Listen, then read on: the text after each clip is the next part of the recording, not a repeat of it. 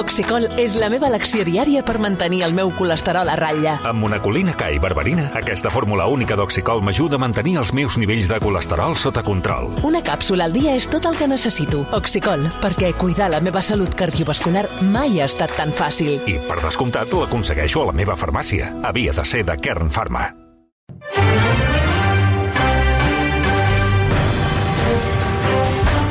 Són les 5 de la tarda, 7 minuts ahir, mentre eh, fèiem la mm, retransmissió del partit d'Espanya-Marroc, molts pensàvem eh, aquella hora amb Ernesto Ekaizer perquè va ser el dia que varen conèixer la notícia de que la justícia britànica havia reconegut la immunitat de Joan Carles I fins que va abdicar el 2014. El Tribunal d'Apel·lacions d'Anglaterra i Gales ha acceptat el recurs que el rei emerit va presentar davant la demanda per assetjament que va, recordem-ho, plantejar Corina Larsen. Aquestes i altres qüestions les desenvoluparem tot seguit amb el periodista i escriptor Ernesto Eikaizer. Ernesto, molt bona tarda.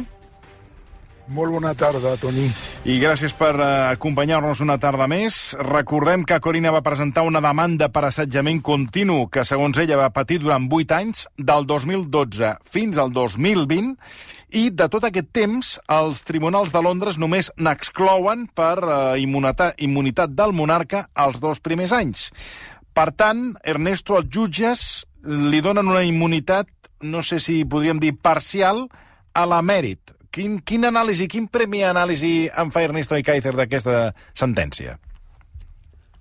Eh, bueno, eh, tenemos que decir que es una inmunidad parcial, porque solo afecta un año y medio prácticamente, eh, desde el año 2012 hasta el 18 de junio del 2014, es decir, dos años, y que se refieren a acciones importantes del, según Corina, según los hechos, siempre estamos hablando de hechos presuntos porque esto todavía no se ha eh, dilucidado, la, la demanda está en las cuestiones previas, es una demanda civil.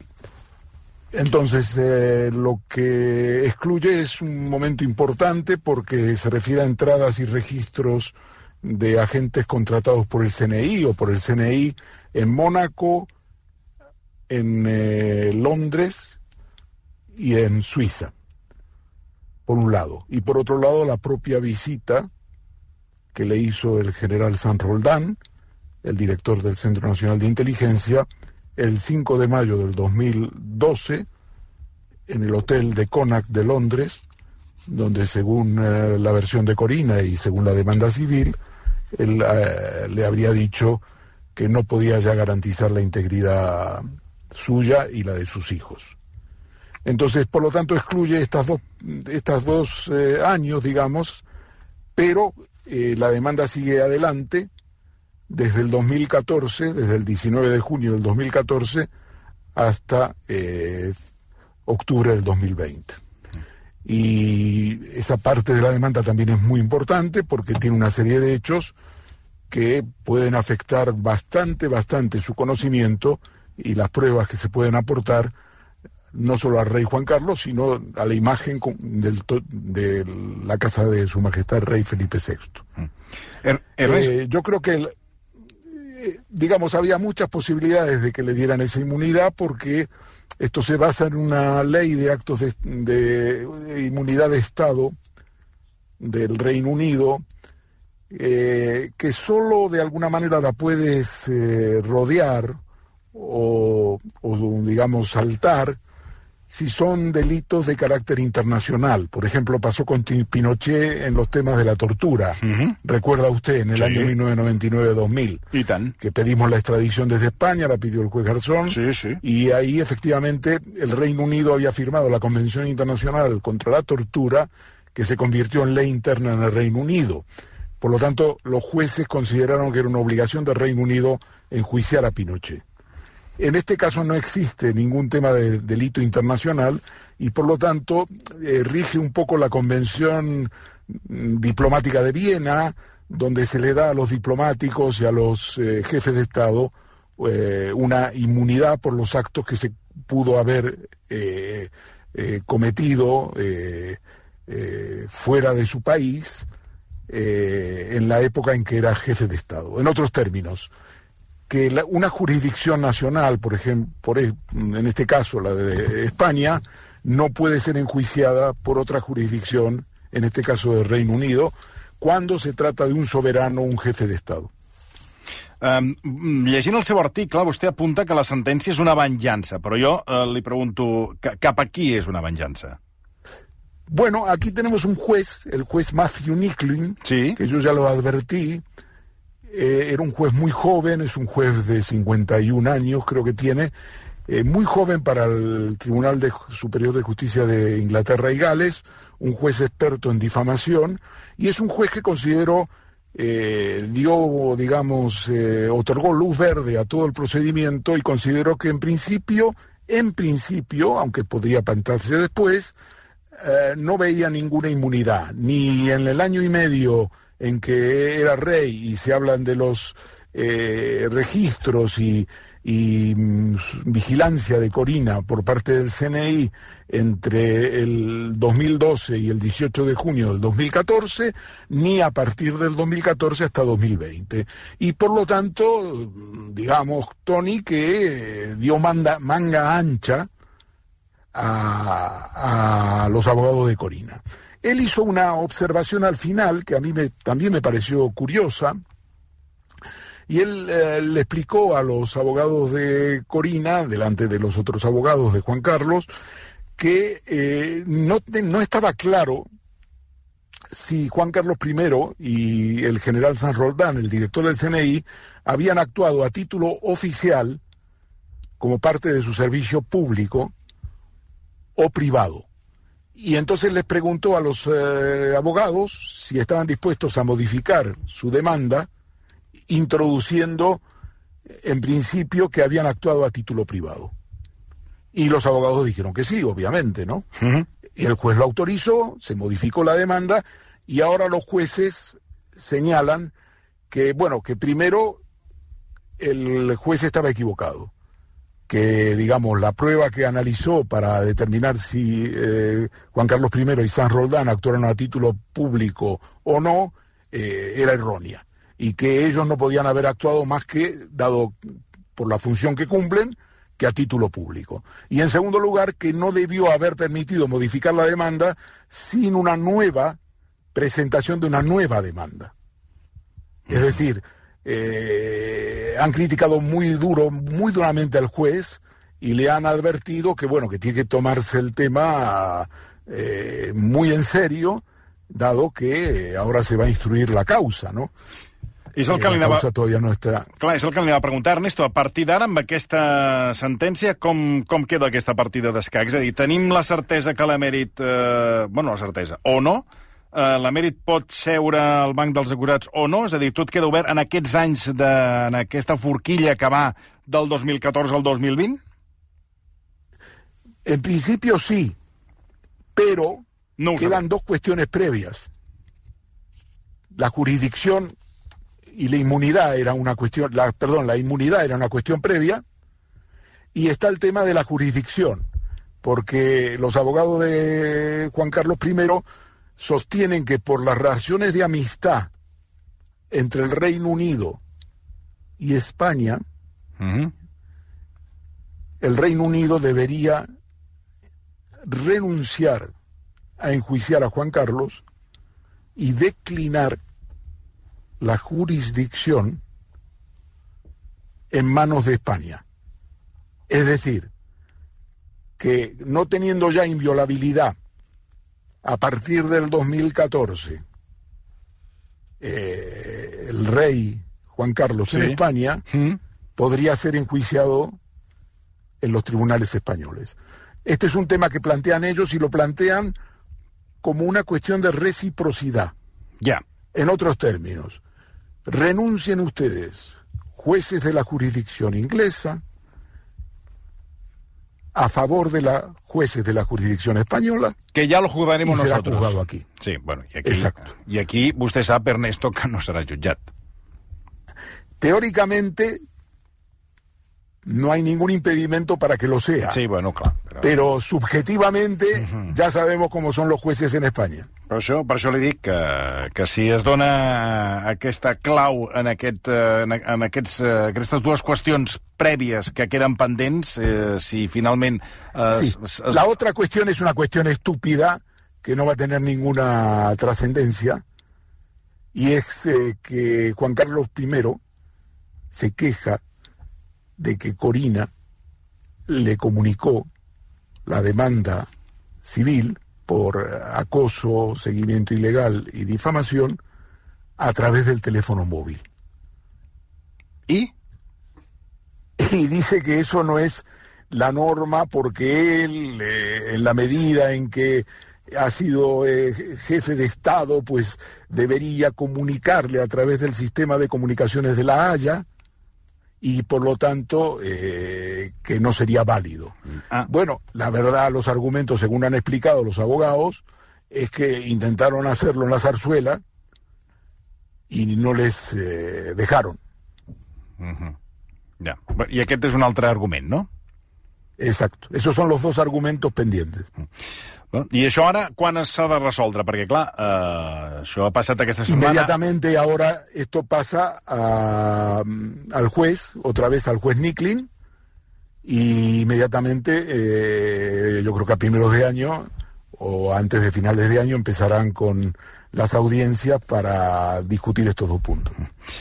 Um, deixem el rei emèrit i anem amb el que ha estat, uh, entre cometes, uh, una reina argentina, que és uh, Cristina Fernández de Kirchner, perquè a l'Argentina ha estat una notícia que a molts ens ha sorprès, perquè eh, se la condemna a sis anys de presó a l'expresidenta i actual vicepresidenta del país eh, també l'han inhabilitat per ocupar un càrrec, de, per un càrrec públic de per vida.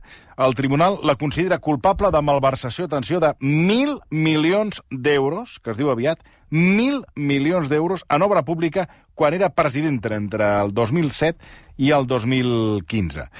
Eh, de moment, Ernesto no entrarà a la presó perquè tot apunta que recorrerà la sentència però eh, no sé que vostè que tant que coneix el, aquest país no sé si vostè eh, creu que veurem a Cristina Fernández de Kirchner entrant a la presó. Bueno, la situación es la siguiente. Eh, la situación en el momento este de la justicia hay un gran caso de corrupción en la justicia española porque algunos de los jueces que han intervenido en esta sentencia son jueces que forman parte de lo que se llama, lo que ella misma llamó en una larga intervención de una hora eh, desde el Senado ayer a los argentinos, una mafia judicial. Una mafia judicial y, es verdad que esa mafia existe, está vinculado al anterior presidente Macri. Eh, y, eso, pues, eh, digamos, lo hemos constatado a través de unas grabaciones que se han hackeado y que no tienen nada que envidiar a las que conocemos de Villarejo en España y de los jueces, de algunos jueces en España. Eh, yo las escuchaba ayer y son tremendas, son tremendas y además ella las ha analizado en un programa de tele, en, el, en su alocución a los argentinos ayer, después de conocer eh, el veredicto. Porque la sentencia no se conoce todavía, los fundamentos jurídicos no se conocen, se conoce solamente el fallo. Ella ha sido condenada a seis años de prisión, se ha excluido el delito de asociación ilícita, y esto que es importante porque con asociación ilícita la petición de pena era de 12 años.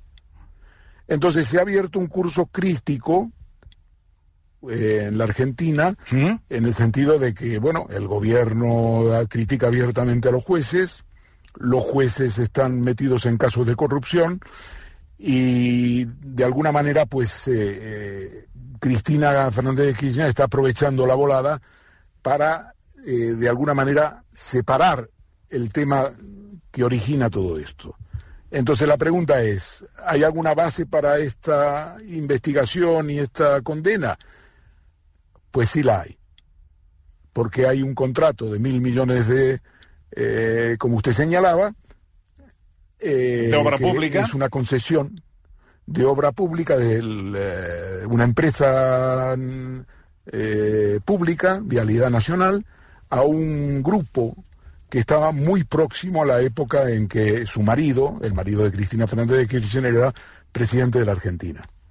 Entonces eh, es un grupo muy próximo del sur del país, eh, se conocen sus conexiones y eh, lo que yo le mm, transmito es que históricamente en la Argentina este tipo de licitaciones y concesiones ha estado, bueno, también como en España, Tony, vinculado con eh, con comissiones, Mm, eh, 3%, sí. De moment, el que, el que vostè... 6%. Sí, del que m'està explicant eh, no difereix massa del que es viu a Espanya, eh?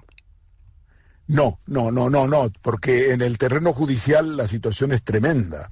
La, eh, las grabaciones que se han puesto ayer en Argentina Bueno, no tienen en nada aquest- que envidiarle a Villarejo. Però és el que li dic, eh, s'han difós aquests eh, missatges on eh, els participants pactaven una estratègia per, primer per amagar un viatge que van fer tots junts.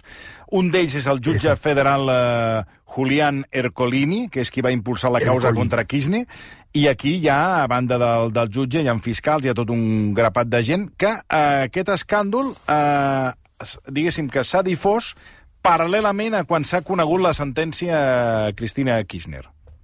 Exactamente. Casualmente, prácticamente unas horas antes. Eh, de ese punto de vista, pues eh, la Argentina presenta características de descomposición política, judicial y social muy parecidas a las de España. Sí, sí. De tal palo, tal astilla. És Sí. el que sí, sí. Tenim aquell Eh, passatge... Yo Ernie- solo quería decir una cosa. Diga, Eh, quería decirle una, una cosa en relación al tema de Juan Carlos que se nos quedó, nos quedamos un poco en la superficie. Se lo digo brevemente. Mire, el caso es el siguiente. eh, a mí me parece que eh, la justicia británica pues ha aplicado un patrón internacional, ¿no? Y es que una jurisdicción eh, como la inglesa y por el- los tratados internacionales y el orden internacional, salvo que sea un delito de crimen contra la humanidad, como fue el caso de tortura de Pinochet, normalmente eh, no juzga a otra jurisdicción en la cabeza de un soberano. Eso es normal, no tiene nada de particular. Pero hay un tema que es el siguiente. Ellos razonan en términos internacionales, en términos de la Convención de Viena, etcétera. Pero lo que ha hecho eh, Juan Carlos con San Roldán es una operación personal antes de abdicar y después de abdicar. ¿Y en qué consiste? Consiste en que Juan Carlos hizo un pacto con Corina para darle los 100 millones de dólares, los 64,8 millones de euros. ¿Vale? Sí. Ella iba a ser fiduciaria, o testaferro, como se dice popularmente. Sí. Y entonces, eh, eso fue en el año 2012, antes de decidir que no declaraba esos 100 millones de dólares que le dio el rey saudí a Abdulaziz en 2008 y que él, con los cuales él hizo inversiones importantes y se gastó mucho dinero de esas inversiones, inversiones que estuvieron muy bien hechas en Suiza, y entonces él consideró la posibilidad de declarar el dinero en la amnistía de Cristóbal Montoro, recuerda usted en el 2012. Sí, sí, ho recordo perfectament. Y él dijo no. ¿Por qué? Porque si lo declaró la Hacienda, de los 100 millones de dólares No, se me queden... se llevan la mitad. Entonces, ponemos el dinero a tu nombre, Corina, lo documentamos como si fuera una fiducia legal y ya después arreglaremos entre nosotros cómo me traspasas el dinero. Uh Entonces ella dijo, vale, pero no le devolvió el dinero. Entonces él empezó a hostigarla. Empezó a pedirle que le dijera, diera el dinero. Ella, asesorada legalmente, dijo, no, si te doy el dinero, yo soy una mujer de paja tuya. Y me pueden enjuiciar por lavado de dinero. Yo no te doy el dinero. Yo voy a hacer inversiones. Compro casas, aquí y allí, en varios países, y nunca más le devolvió el dinero. Entonces él empezó a hostigarla, siguiendo con el hostigamiento de San Roldán en el 2012-2014. Entonces es una conducta muy clara. Los jueces ingleses razonan en términos, yo les diría, civilizados, diciendo, hombre, si el rey Juan Carlos eh, apela a San Roldán, no será en calidad eh, de amigo suyo que San Roldán le va a mandar los agentes del CNI a Corina. Pero claro, yo lo que cuento hoy, que lo cuento hoy en una crónica, es que esta gente se ha apropiado del CNI. Ah, lo ha utilizado para su propio beneficio. ¿Cuál es el beneficio? La aspiración del beneficio, recuperar los 100 millones. Y para eso hostigaron a Corina. Para eso le mandaron a los agentes y la asustaron. Como ella no dio el dinero, pues siguieron. Y siguieron hasta el 2020. Ella incluso planteó una negociación a la Casa de Rey, usted lo sabe. Mandó cartas. Dijeron, vamos a reunirnos. No le hicieron caso en la casa de Su Majestad Felipe VI. Dijo que él no sabía nada. Entonces, ¿qué pasa aquí? Él está, digamos, eh, eh, la demanda de ella lo que intenta es ponerle un límite. Es decir, yo no te voy a devolver el dinero, pero como tú me estás molestando, me estás eh, persiguiendo, me estás acosando a través de mis hijos, y de mi hijo y de mi hija, pues yo te pongo la demanda. Y ese es el límite. Entonces, la historia es una historia que a mí me parece apasionante, tal como yo se la cuento. Primero porque el hombre revela bastante lo que es engañando a la hacienda española. Es decir, que el dinero que él pagó a la hacienda española, los 5 millones de euros, por el cual se ha archivado la causa aquí, no es todo, porque él no declaró a la hacienda los 100 millones de dólares. Entonces, claro, él podría ejercer digamos, una demanda contra ella, eso ocurre a muchas veces, eh, oye, yo le di a un amigo y pacté con él un, dinero que él se hiciera cargo formalmente y no me lo ha devuelto. pero que luego me lo iba a dar y luego no me lo ha dado. Entonces hago una demanda contra él. Pero claro Juan Carlos es muy difícil que pueda hacer una demanda porque tiene que confesar que le ocultó a la hacienda española el dinero. Claro. Y claro, eh, Juan Carlos no es Jorge Pérez, es Juan Carlos. I no ho farà, perquè, clar... Eh, claro, ya no lo va a hacer. Queda en evidencia. Él, él decidió en el 2012, fíjese, es el 2012 es clavado lo que le cuento. El 2012, el 2 de junio del 2012, le manda el dinero, los 100 millones de dólares, a una cuenta que ella tiene en Bahamas. En lugar de mandar la pasta a España y declararla y blanquearla en la eh, amnistía de Montoro. Me parece fantástico. Y ella se queda con la pasta. Sí, sí. I, I lo denuncia. Uh -huh. Bueno, veurem ara com es resol aquesta qüestió per part d'aquest eh, jutge eh, bueno, que vostè mencionava. Hem sí, ahora, Tony, déjame que le diga algo más. Estoy pasmado de haber escuchado a Feijó hoy. Lo de ayer fue patético, el día de la Constitución, con Pedro González Trevijano ahí, yendo de un lado para otro, el presidente del Constitucional que se opone a convocar el Pleno para verificar los nombramientos del gobierno. Pero hoy Feijó es un golpista nato. Yo le dije hace unas semanas que Feijó era un sedicioso. ¿Por qué? Porque estaba impidiendo el cumplimiento de la Constitución por medios no legales, que no están tipificados en el Código Penal, pero que consiste en negarse a nombrar a los eh, eh, por, por, parte de eh, los vocales elegidos por el PP en el Consejo General del Poder Judicial de los dos magistrados en el Tribunal Constitucional y que eso era una sedición, no contra el orden público, sino contra el orden constitucional. Pero hoy es, se me ha, me ha surgido el famoso adagio, que usted lo conoce, que es a confesión de parte, relevo de pruebas. Pues hoy dice Feijó, negro sobre blanco, que él no renueva el Consejo General del Poder Judicial, es decir, que sus peones en el Consejo General del Poder Judicial no prestan su acuerdo para renovar porque le está protegiendo a España de Pedro Sánchez. Es decir, es una medida política, porque dice que Pedro Sánchez está intentando politizar la justicia y nombra a un exministro eh, como si fuera el único eh, en el Tribunal Constitucional. Bueno, primero Pedro Sánchez nombró a Juan Carlos Campo eh, hace unos días y eso fue después del que él rompió el acuerdo, porque él rompió el acuerdo, se acuerda, por la proyectada reforma de la sedición.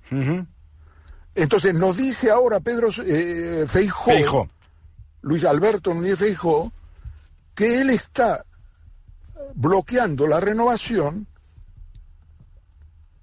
porque está protegiendo a España y a la justicia española de Pedro Sánchez.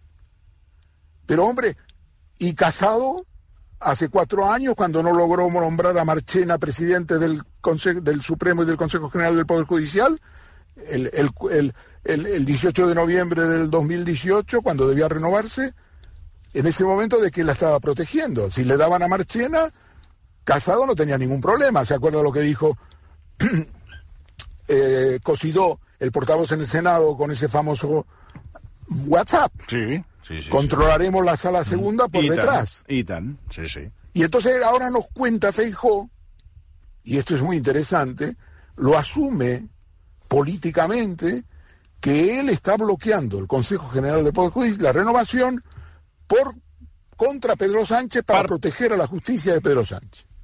Es política, es un golpe, es golpismo.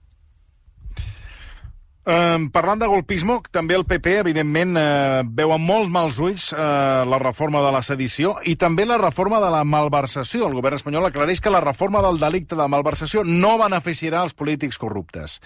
Uh, no sé què en pensa vostè d'aquesta bueno. reforma de la malversació que, evidentment, també la dreta veu amb mals ulls.